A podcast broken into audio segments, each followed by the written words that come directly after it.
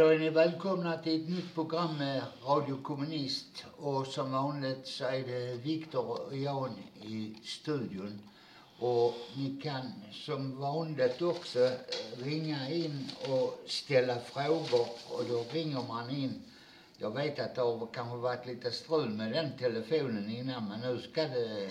Vi har testat den precis innan vi började sända och telefonnumret är 040 692 83 84. 040 692 83 84. Det ska gå att ringa in där nu om ni har någon frågor. Och det skulle vara kul att få lite samtal därför att så slipper de övriga lyssnarna att höra på eh, Viktors och mina eh, monologer. Även om vi diskuterar emellanåt så, så blir det ju naturligtvis mycket berättat. Och idag eh, skulle vi också ta upp ett ämne som egentligen eh, berör oss alla eh, mycket och det är eh, de höga elpriserna. De som är minnesgoda eller i varje fall har läst om det kommer kanske ihåg att inför andra inför andra, eller inför första världskriget, kanske det var så vid vissa tillfällen vid andra världskriget också, men inför första världskriget så var det ju mycket hungerkravaller runt om i hela, eh, hela Sverige. Och vad berodde det på? Jo, det berodde på att eh, matbrist helt enkelt. Därför att eh, den svenska regeringen tyckte det var viktigare att exportera maten ner till Tyskland så att de skulle ha mat eh, när de eh, förde krig än att se till så att den egna befolkningen fick eh, mat. Då var ju kapitalismen lite annorlunda än, än vad den är idag. Idag är det ju de stora monopolen som sköter om elmarknaden. Svenska staten, eh, eller vi kan säga från då 1996 eh, när man beslutade att avreglera elmarknaden så har ju naturligtvis eh, priserna stigit väsentligt. De var låga under en eh, hel del av tiden men nu på sista tiden har det blivit ännu värre.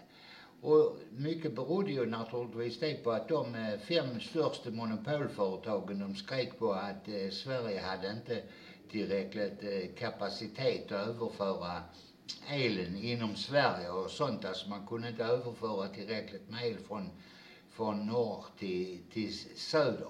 Det kunde man ju naturligtvis för här rådde ju aldrig någon elbrist här nere eh, under den tiden heller. Men de svenska monopolen, eller de svenska och svenska, det är något kanadensiskt, något finskt och något tyskt och, och jag tror det var något franskt också som var inblandat. De hade ju eh, siktet inställt på att eh, höja sina profiter. Och då måste man ju naturligtvis skaffa fler kunder och en, eh, fler som efterfrågar el. Och det gjorde man då, byggde ut stamnätet. Svenska staten byggde ut stamnätet till dem så att de kunde skicka mer el till Sverige. Men istället, eller till Skåne, men eh, det var inte det de var intresserade av. Utan de var ju naturligtvis intresserade av att exportera el. Och de säger själv nu att de planerar att eh, eh planer, eh, att exportera ungefär 60 terawatt eh, timmar om året. Och det är, eh, idag förbrukar vi i Sverige ungefär 160 terawattimmar. Och då vill de öka produktionen så, eh, så de kan exportera 60 terawattimmar. Men det gör de naturligtvis inte utan de håller ju produktionen så låg som möjligt så att priserna ska kunna stiga. Och det var ju därför naturligtvis priserna steg till 6-7 kronor terawatt, eller kilowattimmen nu eh, för lite sen. Det är ju de som reglerar helt och hållet hur mycket som ska produceras. Det är inte så att vi har någon form av planhushållning eller något annat så att samhällets behov tillfredsställs. Utan man producerar utifrån hur de gör mest profit. Och självklart gör de mer profit om de då producerar lite mindre så priserna stiger. Då kan man stänga av eh, en, eh, en vindmölla så varar den längre. Deras investering kommer till att stå sig eh, några år extra. Och, och det är ju så man manipulerar med priserna. Nu är det ju klart alltså, jag tycker att eh, tyskar och danskar och eh, pol polacker och alla andra också ska få möjlighet till el. Men det ska inte ske på monopolens villkor, att de ska kunna roffa åt sig hur mycket som helst bara för att vi ska kunna eh, exportera. Nej, alltså man vill ju säkerligen i, skapa, precis som du säger, ett ännu större eh, överskott. Men samtidigt dela upp det alltså den produktionen i två delar där man säljer en del samtidigt som man minskar eh, produktionen för den inhemska konsumtionen så man kan höja priserna i själva landet och, och samtidigt exportera en del.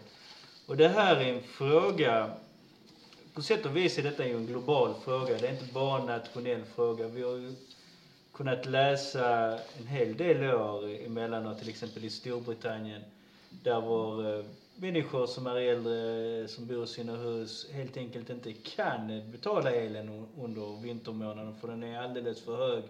Och, och, och funnits människor som har dött på grund av de där sakerna. Och, och det är ju fruktansvärt egentligen när man betänker ju att, alltså det är ju inte så att som folk tror emellanåt att det finns en, en brist på saker inom kapitalismen utan många gånger finns det ett väldigt stort överskott istället.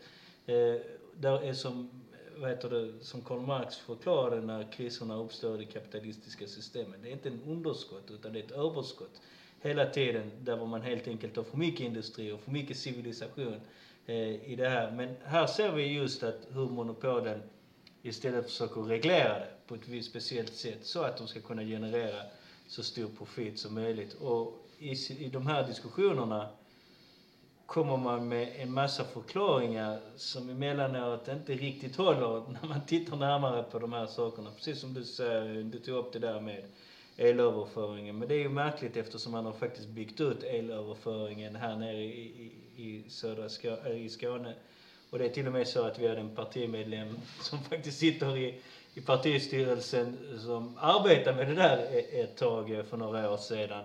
Eh, men så, så, att det, är inte, det stämmer liksom inte. Och sen så går man omkring och skyller på Ryssland för att de inte levererar för mycket eh, tillräckligt mycket gas och allt vad det nu är för någonting. Men det, det påminner lite, alltså det finns inget fel i världen att se det lite som den gamla klassiska liberalismen sa det att ett land kan inte producera allt utan man ska sönderdela det på sätt och vis så att varje land ska specialisera sig på vissa saker. Men det finns ändå vissa saker som ett land måste producera egentligen i grund och botten själva. Och elen är faktiskt en av dem. Åtminstone göra så mycket man kan för att eh, få igång sin elförsörjning i, i det här läget. Men här har man gjort använt sig av den sönderdelningsprincipen helt enkelt för att man ska kunna tjäna så stor profit som möjligt i, i, i det här läget. Och det är ändå väldigt oroande på många sätt för att om vi betänker ändå den samhälleliga utvecklingen, hur den går. Det är ju inte så att vi, där finns någon form av linjär utveckling när det gäller elproduktionen i kombination med den eh, elkonsumtionen. Utan det här är hela tiden någonting som exponentiellt ökar vårt samhälle. Det blir mer komplicerat. Vår produktion kräver mycket, mycket mer elprodu- alltså elförstör, elförsörjning. Eh, våra sätt att eh, röra oss i samhället, eh, om vi ska ta oss från plats A till plats B, kräver mycket större elförsörjning. Allting som vi använder i våra hem kräver hela tiden en ökad elförsörjning. Alltså, vi tänker lite till exempel på en dator bara. Alltså, vi behöver starkare och starkare aggregat i, i vet datorn för att kunna få den att fungera. Och likadant är det med mobiltelefonen och vi ska gå över till att använda enbart elbilar och allt vad det nu är för någonting. Så allt det här kommer att kräva hela tiden en större och större elförsörjning. Det, kommer inte, det är ingen status quo eh, historia. Då finns det givetvis de som springer omkring och säger att ja men vi ska eh, tillbaka till naturen eller någonting i den stilen. Att vi ska... Och det är klart, det finns en och annan hippie som bor ute på landsbygden som tycker att det är en korrekt grej. Men vi kan liksom inte gå tillbaka i, i, i utvecklingen, i den tekniska utvecklingen på det viset. Utan vi ska istället gå framåt hela tiden. Och då hamnar vi egentligen i den diskussionen i, som är egentligen den grundläggande diskussionen när det gäller kapitalismen. Alltså konflikten mellan det församhälligade arbetet och det kapitalistiska tillägnandet. Och här ser vi ju tydligt egentligen den här frågan kommer upp. Eh, den går ju inte att undvika i den här. Betyder det då att uh, vår enda lösning är att vi ska genomdriva socialismen? Ja, det är klart det är den slut, om man nu vågar använda ett sånt uttryck, den slutgiltiga lösningen på frågan. Men, uh, men man, vi måste ändå på något vis uh, väcka en sån medvetenhet att man måste kämpa för vissa saker ändå trots allt inom ramen för kapitalismen. Och det är till och med så att det har varit en del av, inte monopolen, men vissa företag som har gått ut och och kritiserat det här handlandet när det gäller just elmarknaden. Där man har sagt att, för Sverige var ju känt för det där. Det är en av de sakerna som Sverige faktiskt var kända för, till skillnad från stora delar av världen. Att man hade en både stabil elförsörjning och den var väldigt billig också. Att man kunde liksom, det var därför det var värt att investera också i Sverige just på grund av de här grejerna. Att det var inte faktiskt var dyrt att ha. Men nu har ju en del företag börjat gnälla på de här sakerna. Det är samma som när det gäller tågförbindelserna också. Där var, för några år sedan man såg ju att många företag sprang omkring och gnällde. Alltså, fan, liksom, vi är inte alla Wallenberg. Vi vill gärna ha plats på att skicka våra varor också. Liksom. Vi måste bygga ut eh, tågnätverken och, så vi kan faktiskt leverera våra saker. Så vi ser att, att de rådande produktionsförhållandena de kockar väldigt tydligt med produktivkrafterna i det här läget. Så vad ska man göra då i sådana? Ja, det krockar inte bara med produktivkrafterna. Eh, det krockar med hela samhällets behov. Ska samhället kunna utvecklas, då måste vi ju naturligtvis ta till oss ny teknik och använda alla möjligheter eh, till den nya tekniken. Vi, är inte, vi kommunister har aldrig varit fiender till vetenskap och, och eh, utveckling. Vi har förstått att det är produktivkrafterna som som driver fram utvecklingen. Befriar oss också. Ja, befriar oss också på sikt. Men, men, men när kapitalismen har gått över i sitt monopolistiska stadium och i synnerhet då inom vissa branscher, alltså det märks mer inom olika branscher. Så som här märks det ju väldigt tydligt inom energiproduktionen i Sverige. Det är i stort sett eh, fem stora aktörer som står för all produktion av vår el i, i Sverige. Det är Vattenfall, det statliga eh, verket. Men sen är det då eh, LV och vad, allt vad de heter. Och Fortum och E.ON och, och uh, Uniper. Ja.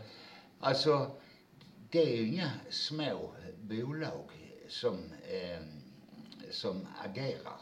De flesta av dem, alltså som Uniper som i huvudsak är tyskt, den har eh, en elproduktion borta i Indien, den har i Ryssland och den har alltså i hela världen. Det är ett eh, världsomfattande eh, monopolföretag som, som har en väldigt stor kapacitet. Jag tror man hade en omsättning på 75 miljarder euro i, i eh, förra året. Och det är samma, det där um, finska, vad heter det, Fortum. Jag är inte säker på att de heter Fortum nu för de har splittat det bolaget och delat upp eh, ägandet av elnäten och produktionen av el. Man eh, vill på något vis... Skattetekniska skäl. Ja, och, och göra företaget mindre. Hade man både produktionen och elnätet så, så kunde man naturligtvis eh, göra annorlunda. Och, och det är rätt intressant för Uniper, då det tyska bolaget, där äger faktiskt Fortum 47 procent av aktierna i, i det bolaget. Så, så man kan ju nästan snacka om en koncern eh, som äger varandra eh, som eh, utgör det monopolet. Och, och En kartell egentligen, hela elbörsen kan man Ja, kan man säga. Kanske inte elbörsen Men- sin så- Men de fem. Ja, de fem som producerar elen och det är de fem också som äger det mesta av elnäten i Sverige. Där finns någon undantag, alltså någon kommun som själv har behållit eh, sitt eget elnät i, i, i, ja, i ägandet helt enkelt. Jag vet inte, det är inte många eh, kommuner för det är ju ofta så att då gör man av med saker och ting för att man ska eh, finansiera andra bidrag till dem och, och annat. Alltså det har, har ju blivit på modet liksom att man påstår att eh, privata lösningar är det enda bästa och det gäller på elnät, det gäller produktion av el. Och, och problemet är ju att de fem, eller fem, ja det är synd att kalla dem för fem egentligen, men de elmonopolet eller energiproducenternas monopol, de är intresserade av att få så hög profit som möjligt. De är inte intresserade av att vi ska ha en el, en billig el och kunna använda, eller billig och billig. Alltså överhuvudtaget bryr de sig inte om, om, om vi får el eller inte. Bara de gör tillräckligt höga profiter, så det, det är målet alltså för dem. Det är inte att eh, även om de klär in det i sådana vackra ord och sånt så, så är det ju väldigt tydligt. De har själv sk- skriver själv ibland jag vet inte om de inte alltid förstår vad de skriver eller, eller det, är annat, men de skriver det att, att importen har en tendens, import, alltså om Sverige, importen av el har en tendens att minska, öka priserna i, i Sverige. Medan exporten inte kan visa upp eh, samma effekter. Alltså har de inte märkt nu när de har ökat exporten så in i helsike hur priset har stigit från alltså kanske 80 öre kilowattet till över 6-7 kronor kilowattet. Det, det, det är hur tydligt som helst. Sen de fick den ledningen och ökad överföringskapacitet från Norrland till, till Skåne, eh, då har alltså bara priserna stigit med raketfart. Jag vet också vad det här beror på. Eh, det här handlar om det konstanta kapitalet och det variabla kapitalet. Och jag tror nog det är rätt tydligt just i, i den här frågan. Alltså vi har ju sett ändå att det konstanta kapitalet har ökat just genom investeringar och sådant. Samtidigt har ju det variabla kapitalet minskat. Det innebär ju helt enkelt att profiten också minskar överlag. Och vi har sett det, det här för ett par år sedan, just att elpriserna hade blivit så pass låga att man helt enkelt försökte på något vis Eh, kompenserade kompensera det genom att ta skyhöga nätavgifter i grund och botten. För elpriset var så lågt vid ett visst tillfälle. Och då försöker man helt enkelt, precis som du säger Jan, att man manipulerar sin, eh, priset just genom sin ställning. Att man försöker ha någon typ av pristillägg egentligen i grund och botten genom hela tiden eh, göra på det här så- sättet. Och där har vi ju egentligen den diskussionen där man pratar om att det mänskliga behovet och ha en vara för att tillfredsställa liksom eh, en profitbegär. Och det är inte så att det är vi kommunister som springer omkring och säger de där sakerna. För det är faktiskt borgerligheten själv som säger de där sakerna. Att man producerar inte en vara på grund av efterfrågan. Du producerar en vara efter vinstkalkyl i grund och botten. Och det, det, det sa till och med hatobjektet, kanske nummer ett eller nummer två för hela vänsterrörelsen, Hayek som var en ekonom. Eh, han gick ut väldigt tydligt och, och förklarade de här sakerna. Det där är bara nonsens det där med efterfrågan. Utan man gör det på grund av profit i grund och botten. Så det är ju inte bara så att det är vi som säger det. Utan de säger det faktiskt själva. Och då, får- då måste, måste man ju ändå ställa sig en del frågor i det här ju. Precis som om vi nu har ändå gör en sammanfattning av det vi precis vi sa. Att det här gör ju att man hotar egentligen produktivkrafternas utveckling och hela den samhälleliga eh, utvecklingen eftersom elen är en nödvändig komponent i just att framställa sakerna i vårt Och det handlar inte bara om att framställa varor, det handlar inte bara om att vi ska leva, det handlar om forskning, det handlar om allting egentligen i grund och botten. Vi är väldigt beroende just av elen i det här läget. Så hur ska man då göra egentligen? Alltså ska, ska vi, ska vi sönderdela monopolen eller ska vi expropriera? Eh, och vi kommunister vi säger ju givetvis inte att man, man ska inte slå sönder. Det, det där är någon märklig Jonas Sjöstedts tanke när han påstår, gick då när han var partiordförande för Vänsterpartiet, till exempel när han diskuterar om bankerna, man skulle dela på bankerna. Och det är samma grej här, ska vi dela på liksom företagen igen? Men det, det löser ingenting, att gå tillbaka till en fri konkurrenssituation. För förr eller senare leder det ändå till monopolställning ändå. Så att då blir det givetvis att det enda lösningen är ju att expropriera dem i grund och botten. Nu är det ju så att eftersom de är ju monopol i den bemärkelsen så är det ju faktiskt så att de har till viss del redan en planerad ekonomi. Det är ju inte så att de sitter varje dag på något vis och tar nya beslut hela tiden. De har, men det är en planerad ekonomi utifrån profitbehovet. Det är inte en planerad ekonomi utifrån det samhälleliga behovet. Och detta ser vi liksom på flera områden eftersom monopolen det är ju inte så att ägarna många gånger äger enbart elförsörjning. De äger också 51 andra grejer som fungerar i samklang just med elförsörjning. Detta är tydligt till exempel när det gäller järnindustrin och, och, och tågindustrin som alltid gått tillsammans och sen har de köpt upp kolindustrin, sen har de köpt upp något annat. Just för att de ska kunna liksom samordna produktionen på det viset.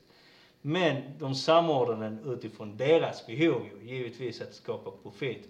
Det är därför de är ju motståndare till en planerad ekonomi i samhället. För de inser ju givetvis, skulle man börja göra det där så finns det ju ingen anledning till den privata äganderätten för det, den kommer ju hota den i sådana fall ju. Och det förstör ju vem som helst i sådana Om vi börjar koordinera alltihopa i samhället, vad fan ska vi då med dem till på något vis? Sen kommer man med konstiga idéer och säger att nej men man kan inte göra så på det viset. Men samtidigt så springer de omkring och ger eh, priser och belöningar och ordnar till de här industriledarna som just samordnar och koordinerar sitt eget verksamhetsområde. Varför skulle då inte samhället kunna göra det till och med tio gånger bättre genom att dra in alla industrier i ett paraply och verkligen kunna planera och justera saker som finns i det här läget. Så därför är det väldigt viktigt, alltså det som man många gånger brukar eh, säga, det är att du är inte kommunist för att du bara springer omkring och ser ett område. Du måste lära dig se alla områden, hur de fungerar i samband med varandra. Så att du inser liksom att det är samma problem som finns på alla områden och därmed i det här elmarknadsområdet också ju. Att det är precis likadant. Vi har diskuterat till exempel bostadsbyggandet. Det är samma historia i grund och botten när det gäller på, på sätt och vis när vi ser det här området. Att eh, man, de här bostadsbyggarna, de vill inte bygga ju för att de tjänar mer pengar på det. Och det är likadant, de vill inte producera och de vill inte ha en bra elmarknad för de tjänar mer pengar på det. Har de då inte spelat ut sin historiska rätt i sådana fall, varför ska vi då tillåta att det är på det här viset? Nej, alltså man kan bara ta fasta liksom på vad de själv säger eh, om sin roll. Och det är att de ska se till så att Sverige har el. Och då tycker de alltså att deras stora anläggningar måste få lov att producera mer så de kan sälja mer. För øh, det, det kostar ändå lika mycket. Det är därför de säger att de tar, får ta höga priser. Men det är inte på grund av att de har stora anläggningar eller annat. Utan det är för att det råder ingen konkurrens mellan producenterna. Det är inte så att Vattenfall säljer sin el för 50 öre och E.ON säljer sin för en krona eller någonting sånt. Utan de kommer överens i en kartell, som du sa innan, om priset de ska ta på, eh, på att det sker då genom elbörsen som de har upprättat eh, för att, att sälja sälja sina det varor. Det, det är ungefär som bensinbranschen. Alltså kan du hitta en, en uh, mack som har olika priser. Är de, har du betjäning på macken så har de Shell och Gulf och allt vad de hittar precis samma pris. Är det icke betjäning så, och, så är det också samma pris på dem utan betjäning. Alltså det är karteller som styr hela tiden som ser chansen att öka sina profiter därför att de, eh, att de tillåts äga så mycket eh, Alltså den eh, avregleringen av elmarknaden, det var ju naturligtvis fel. Den kom ju i samband med den privatiseringsvåg och annat. Alltså att det fria, fri rörlighet för kapitalet. Det var efter kontrarevolutionen hade segrat i Sovjetunionen. Då fanns alltså inte den bromsen mer att, man, att eh, socialismen fanns som ett alternativ. Men det är ju det alternativet vi måste kämpa för. Vi måste helt enkelt kämpa för att vi ska ha planhushållning och att vi ska, eh, redan idag borde ju eh, staten eh, förbjuda eh, elexport till exempel. Just för att de utnyttjar sin, eh, sin monopolställning till att belasta eh, svenska, eh, svenska folket och, och naturligtvis företagen också. De svenska företagen också med eh, onödigt höga energipriser. Naturligtvis, det, det drabbar inte företagen på samma vis som det drabbar eh, privatpersoner. Alltså elen där hemma som man använder till kylskåpet eller till en TV eller belysning och sånt. Det, det är ju inte den, den kan vi ju inte sälja vidare. Använder jag elen för att producera en bil eller någonting annat så läggs ju naturligtvis det priset på, på bilen. Så de tar igen sig och håller sig skadelösa. Men naturligtvis har det ju naturligtvis betydelse för investeringar och annat som, som sker. Sen ska vi ändå komma ihåg att de stora monopolen, de har ju berättat det på eh, TV och vi vet att alltid TV berättar sanningen. Nej men jag har väldigt svårt att de ska hitta på det här. Det är att de har visat ju att de stora eh, monopolen i övrigt som producerar saker har många gånger subventioner också från elbolagen när det gäller de här grejerna. Men jag alltså även om priset på basvaror går upp just på grund av elen så kan jag också garantera att de där typerna, de inser det också, så kan de alltid komma undan genom att normalt sett så hade det kanske kostat fem spänn per grej, så lägger de till kanske en krona till i, i det här och så kan man alltid skylla på att vet du vad, det är elpriserna som de höjer lite extra i det här sammanhanget. Så på sätt och vis emellanåt tror jag också att de vissa av dem är lite glada att man kan pressa ut lite högre priser också när man säljer saker. Men det här, den här diskussionen, jag satt, eh, jag berättade detta för Jan förra veckan. Jag satt och bläddrade lite i Om nationernas eh, välstånd skriven av Adam Smith.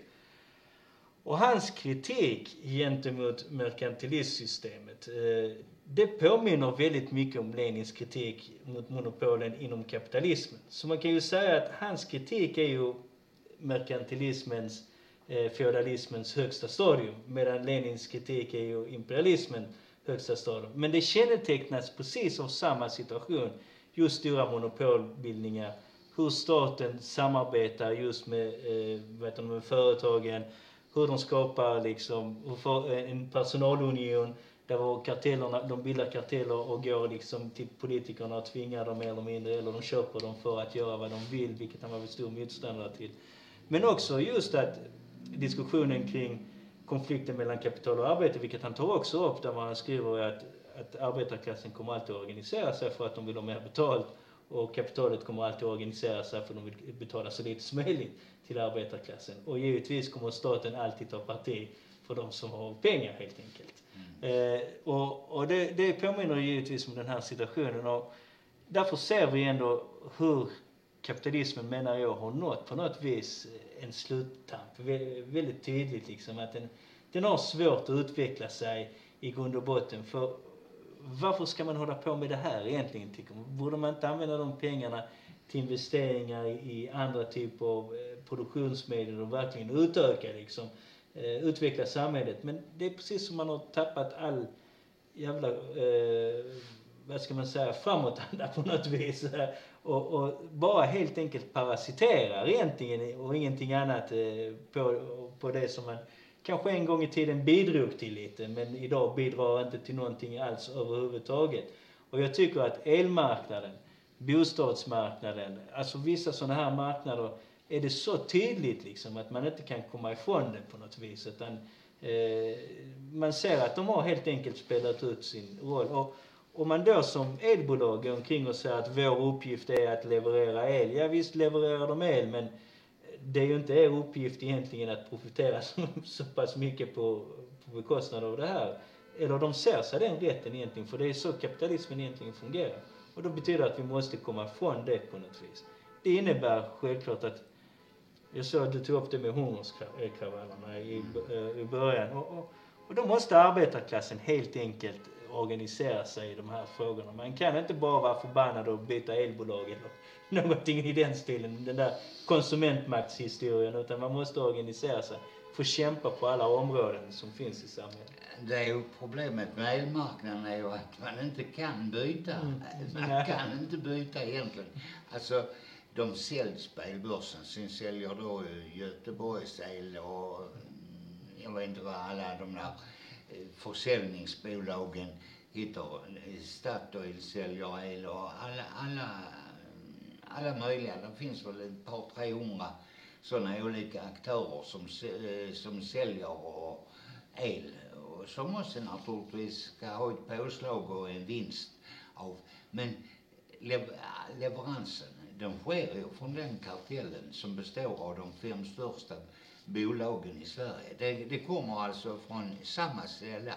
Nej, alltså det som måste göras det är ju naturligtvis att bryta monopolens makt helt enkelt. Och, och vi, vi, vi väljer vi har ju val vart fjärde år, det är val nästa år också. Och det är ju de politikerna som överlämnar makten till monopolen.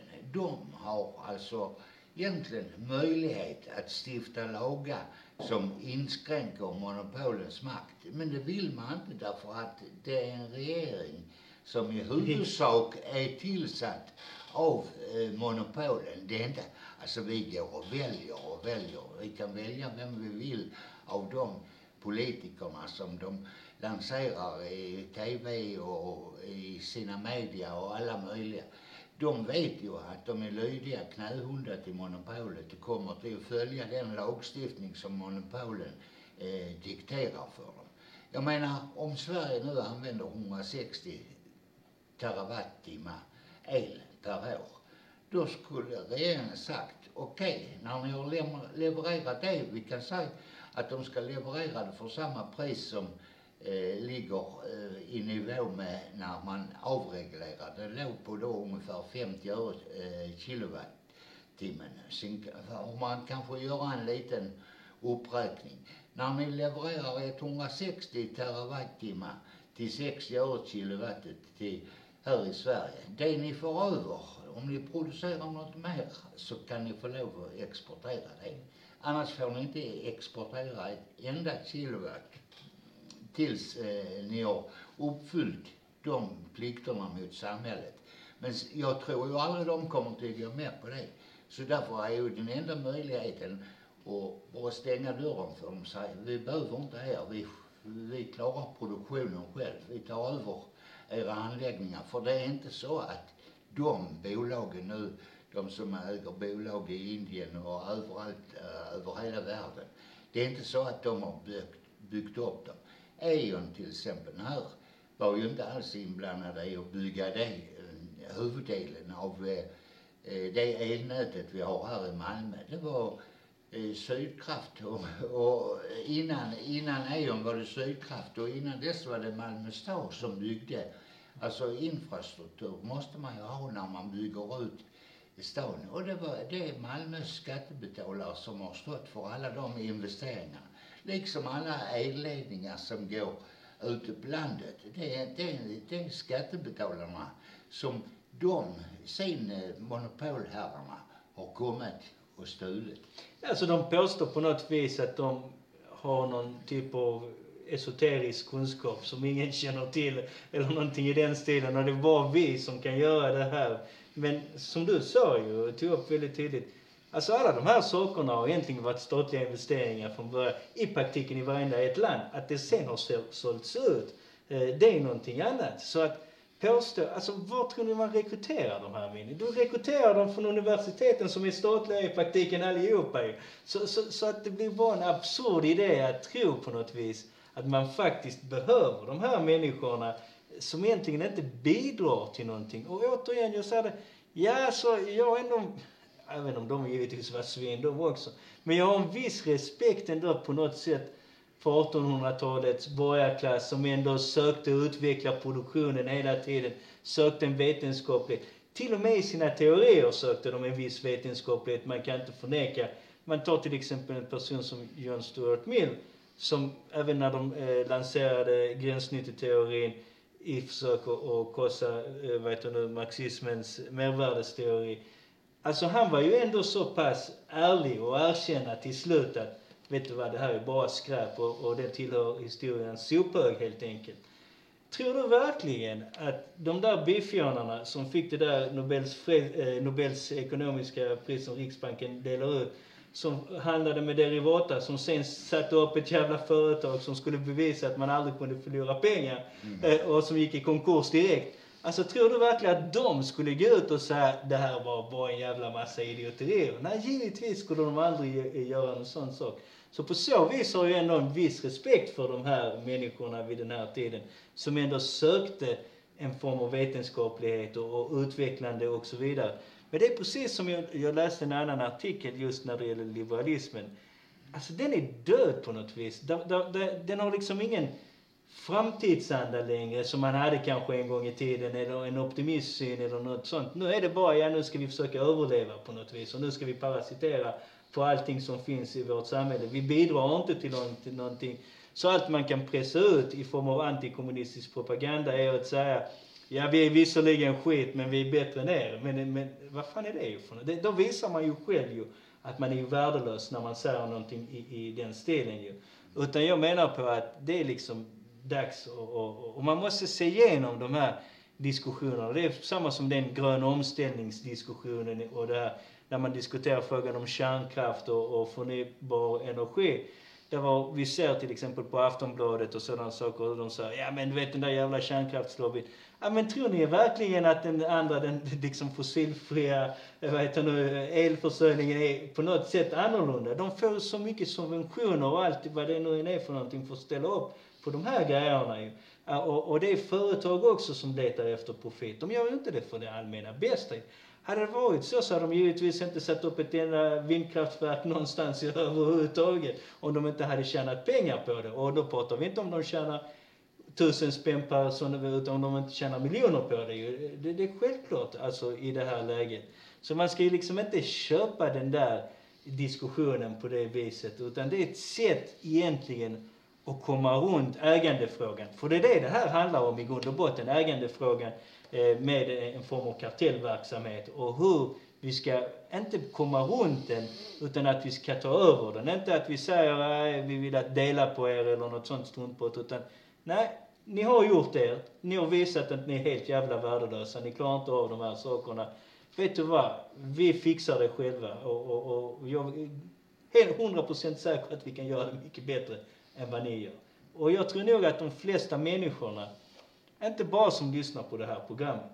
Utan jag tror att de flesta människorna som sitter hemma och tänker liksom, alltså de här jävla typerna, vad fan betalar jag dem för egentligen? De, de, inte bara att de inte kan leverera elen, men när de väl levererar den så ska vi betala tio gånger mer egentligen av någon jävla konstig anledning. Samtidigt som vi exporterar vår el eh, som visar att vi ändå har någon typ av överskott trots allt ändå och, och allt vad det nu är där för någonting.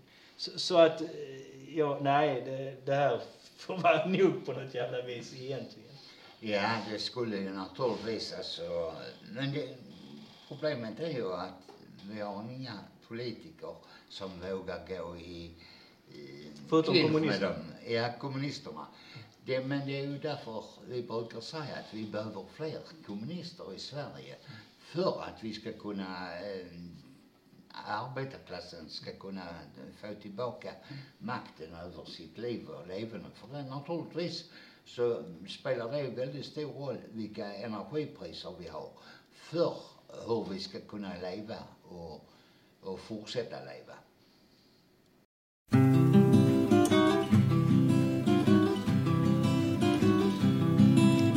Pengar växer inte på träd Man skakar inte fram dem ur hatten gratis.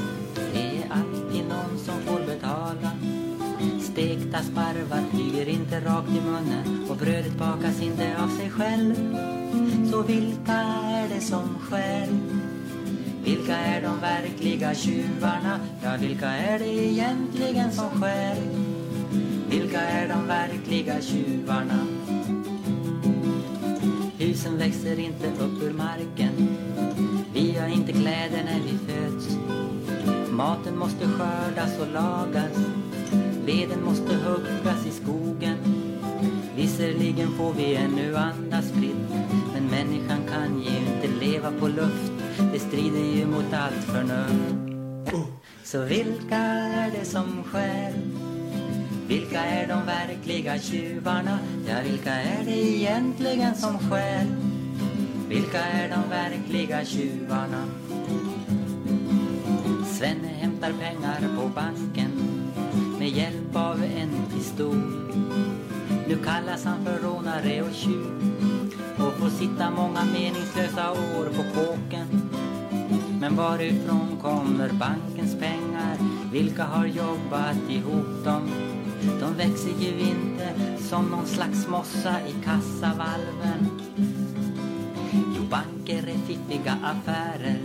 De tar saftigt betalt för att låna ut dina pengar. Så vilka är det som stjäl? Vilka är de verkliga tjuvarna? Ja, vilka är det egentligen som stjäl? Vilka är de verkliga tjuvarna?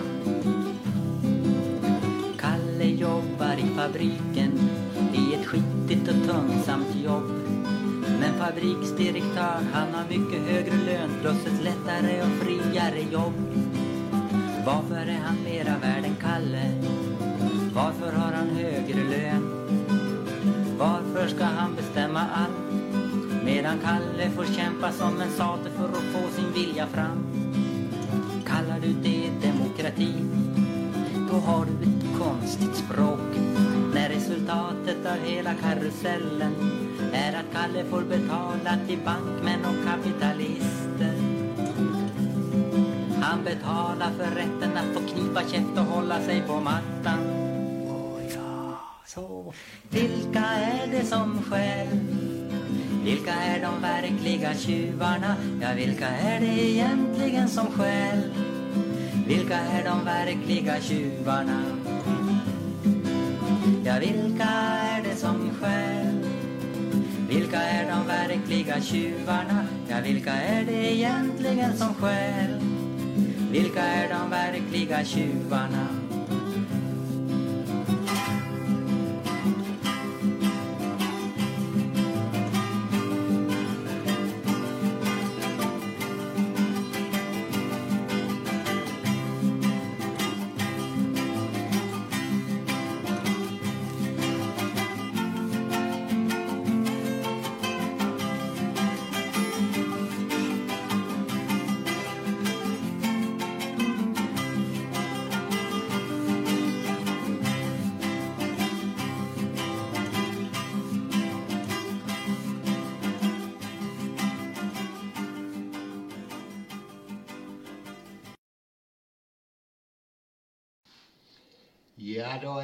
Tillbaka igen.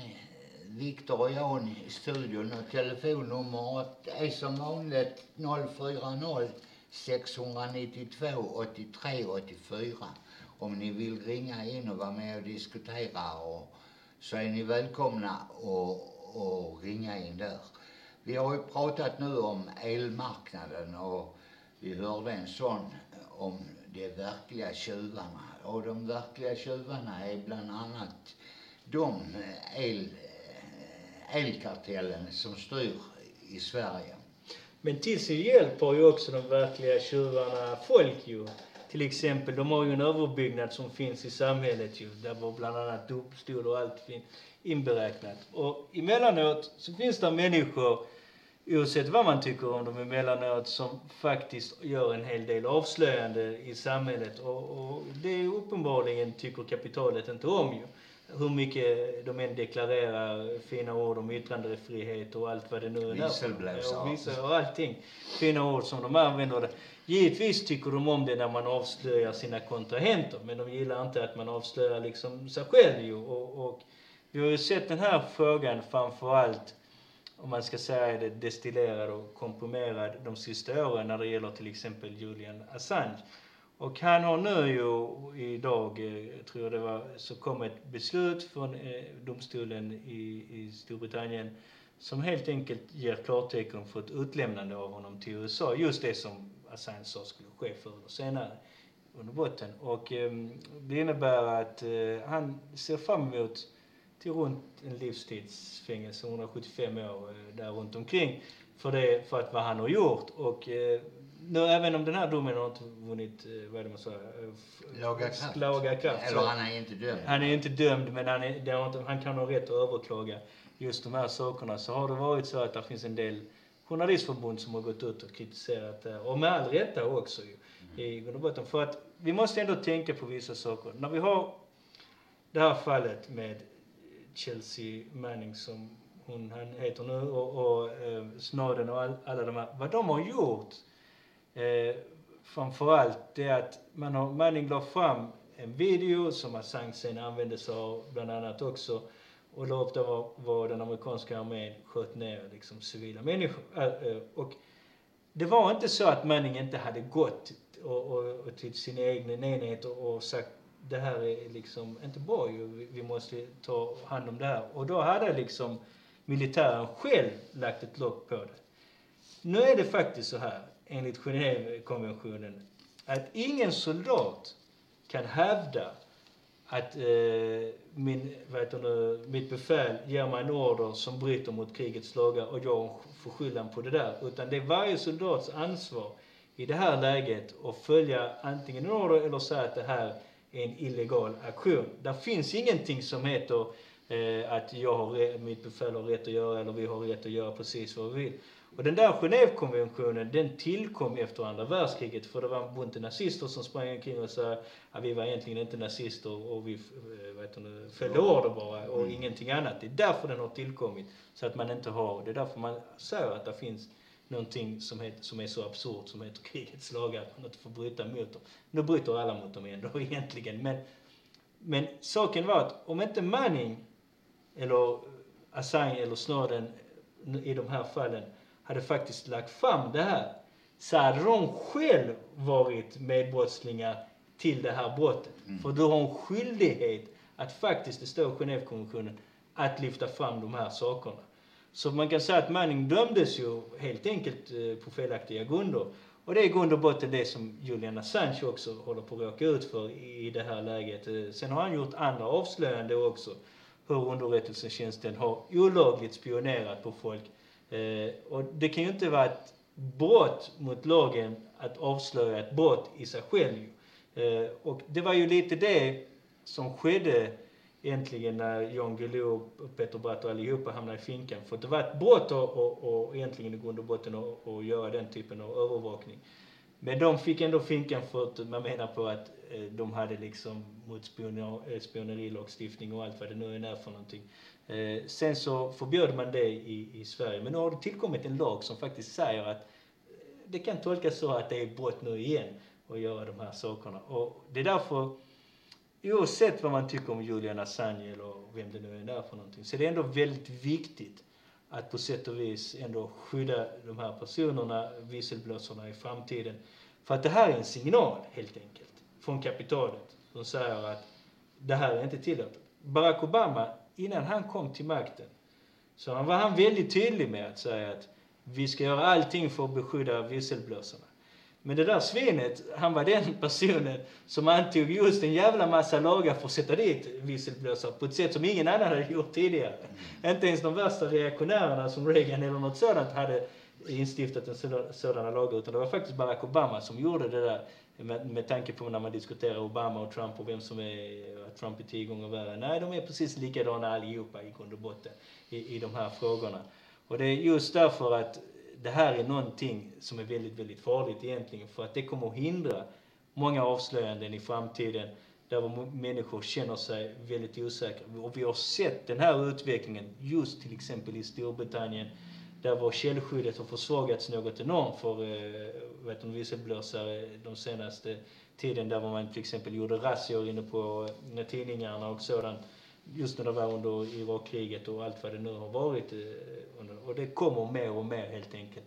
För att kapitalet är helt enkelt desperata i grund och botten. De tål inte längre att man gör avslöjanden. De vill liksom, de inser att arbetarklassen nu börjar bli mer och mer förtryckt och de börjar bli mer och mer förbannade också. De, de är kanske inte ute med Kalashnikovs på gator och torg eller någonting i den stilen. Men de är liksom förbannade helt enkelt. De lyssnar inte längre på det viset. Vi såg det när det var klimattoppmötet nu i slutet. Det var många människor, även om de klappade sig själv på axlarna så var det många, de flesta miljörörelsen sa att de snackar bra skit egentligen. Och, och de inser på något vis hur mycket, hur stor propaganda de än försöker med, så börjar folk inse liksom att eh, det, det är någonting som inte stämmer längre liksom. Det, det där övermålandet, eh, spacklandet, det håller på att krackelera helt enkelt. Och, och folk börjar bli förbannade. Det är just därför man gör på det här viset, menar jag. Mm. Alltså, det här är ju en, har ju pågått länge. Jag vet inte, du kan kanske inte komma ihåg det, men som ny mm. eh, i Vietnam där... Eh, du var inte en, född då? Nej. En journalist eh, fotograferade hur USAs soldater mörda hela byn som myt egentligen och brände ner den och det, det var en annan polischef också, en vietnames som också stod och sköt en fånge direkt i huvudet. Från det när man har börjat avslöja alltså hur, för USA är ju ofta där i humanitära syften påstår man ju. Men alltså alla de som har avslut, avslöjat deras antihumanism har ju naturligtvis varit en nagel i ögat på dem. Och det är ju därför naturligtvis det går så långt som att man man är ju human mot Julian Assange. Man dömer han bara till 175 år i fängelse. Eh, Julia, eller familjen Rosenberg, de dömde man till döden och de satte dem i elektristolen. Så de slapp sitta 175 år i fängelset. Nu vet jag inte hur det går de sista 75 åren för, för han. Men det får vi väl se, de som lever. Nej, men det, det, det är korrekt som du säger att man har ju, men det intressanta är ändå trots allt att vi, vi ser ju till exempel den här historien med Oliver North i, i, i USA och Johan Contras-affären och sånt. Även om man satte hård press på, på eh, journalisterna så gick det liksom inte att göra de här sakerna eh, riktigt eh, längre. Men man har på något vis skruvat tillbaka tiden. Man, mm. man, man, man kan inte acceptera just, just de här sakerna. Och, och just det här med humanitära insatser. Nej, jag, jag, jag förstår dem för att de har väl säkert eh, levererat eh, en, en instruktionsbok från Malthus och försöker lösa befolkningskrisen i, i världen på det viset eller någonting i den stilen. Men skämt åsido, nej alltså det här är väldigt, alltså det, det här är allvarligt och vi, vi, ser det i Sverige också. Vi, vi, har sett, vi diskuterade för två program sedan också just om det här hur man har driv, håller på att driva igenom den här typen av lagar faktiskt i, mm. i, i Sverige. Så när Journalistförbundet för Sverige kritiserar USA för det här så borde de kanske ta sig en, en liten eh, tankestund och, och, och, faktiskt tänka på hur det faktiskt håller på att utvecklas i Sverige framför allt. För man har sett ju hur jävla skickliga de svenska journalisterna är på att fördöma andra länder istället för att fördöma sitt eget, vad fan de sysslar med i de här frågorna. Och övervakningen bara ökar och ökar. Fackliga rättigheterna inskränks och allt vad det nu är för någonting. Och det är just för att kapitalet är i en väldigt stor kris. De kan, de har väldigt svårt att manövrera sig längre. De förstår de har sett i Grekland, de har sett i Spanien, de har sett de stora protesterna som har varit, de har sett i, i USA och andra länder eh, de fattar liksom att det kommer bara bli större och större protester i, i framtiden. Och man försöker stävja det genom att kalla det terroristmål och allt vad det nu är för någonting. Man ska arrestera dem, kväva dem i lindan helt enkelt. Mm. Men till slut är det ju faktiskt så att arbetarklassen genom sin medvetenhet, genom sin erfarenhet, sin kunskap kommer till slut inte acceptera det. Kommer förstå att, vet du vad, vi behöver inte Fortum och E.ON och, och allt vad de är för någonting. Vi behöver liksom inte den här militärindustrikomplexet längre. Vi vill lösa sakerna på vårt eget sätt genom ett förbund eh, med arbetarklassen runt om i världen. enda ni bidrar till det är att hålla oss i träldom och slå ihjäl oss helt enkelt för profitens skull och ingenting annat. varför i helvete ska vi ställa upp på det för, för, eh, av någon jävla anledning? För. Och, och den tiden, den kommer eh, förr eller senare helt enkelt. Det, det är därför de är rädda eh, kapitalet. Annars hade de givetvis inte gjort på det här viset. Nej. Nej, det är alltså riktigt eh, synnerhet och det ska vi ta upp i ett kommande program. Alltså även eh, både kriminalitet. Jag lyssnade på ett program som handlade om kriminaliteten som man hade i Stockholm och det är viktigt. Eh, bland annat var det en advokat som var föreläsare. Alltså de nya lagarna som nu kommer som man säger att det ska riktas mot den grova internationella kriminaliteten. Man lägger ofta till den internationella trots att vi har kriminaliteten fullt upp över öronen i Sverige så måste man ändå dra in dem. Alltså man ska kunna eh, nu eh, genomföra övervakning och, och telefonavlyssning och allt möjligt. Även om det inte föreligger någon misstanke. Eh, trots att man inte har någon misstanke så ska man kunna gå in och, alltså hur ska man välja ut då vilka, vilka? För alla? Ja, det är klart, det gör man kanske via, vad heter den där radio, radioavlyssningen? Nej, FRA? FRA-lagen och sånt. Men nej, jag tror inte det. Men, men det får väl bli ett ämne för kommande eh, program.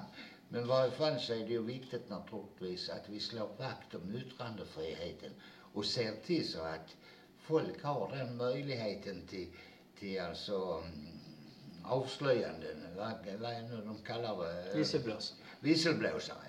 För vi vet ju också att det är företag som nu ofta lägger fram och när de ska anställa folk så får det folket som ska anställas skriva på ett papper att de absolut inte får berätta om någonting som rör företaget för tredje man, alltså, eller journalister eller någon annan. Och jag menar, om jag får jobb på ett sånt företag där jag skrivit sånt, eh, på ett sånt papper och det för, eh, företaget eh, håller på med kriminella åtgärder.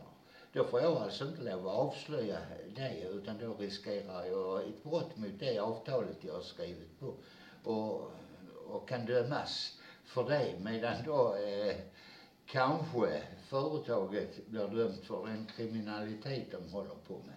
Så det är farliga vägar eh, både lagstiftningen och eh, hela samhället är inne på. Så det är ju därför naturligtvis vi behöver fler kommunister så vi ska kämpa och avskaffa det här eh, slavsamhället. slavsamhället. I och för sig så är den nöjdaste slaven han som känner sig fri. Och det är väl det vi gör allt för mycket i nu för vi ska veta att vi är inte så fria som som, eh, som de påstår. Med det så säger vi tack och gör och ha fortsatt trevlig helg. Framåt kamrater, till uppror manar vår röda fana, vår röda fana. Framåt kamrater, till uppror manar vår röda fana som segern ger. Röda fanan ska mot seger gå. Röda fanan den ska segern nå. Röda fanan ska mot seger gå. Leve socialismen, leve friheten. För alla utsugna stora skara ska röda fanan signalen vara. Och proletärer stå upp och kämpa vår röda fana ska seger ge. Röda fanan ska mot seger gå. Röda fanan den ska seger nå. Röda fanan ska mot seger gå. Leve socialismen, leve friheten. Och land till sjöss i gruvor och fabriker. Du som har hoppet som aldrig sviker. Håll dig beredd för revoltens timma. Vår röda fana ska seger ge. Röda fanan ska mot seger gå. Röda fanan den ska segern nå. Röda fanan ska mot seger gå. Leve socialismen, leve friheten. Ej fiendskap, inga gränser mera ska hindra oss, vi ska triumfera. Och socialister, stå upp och kämpa. Vår röda fana ska seger ge. Röda fanan ska mot seger gå. Röda fanan den ska segern nå. Röda fanan ska mot seger gå. Leve socialismen, leve fri! Avanti popolo, alla riscossa, bandiera rossa, bandiera rossa. Avanti popolo, alla riscossa, bandiera rossa, trionferà.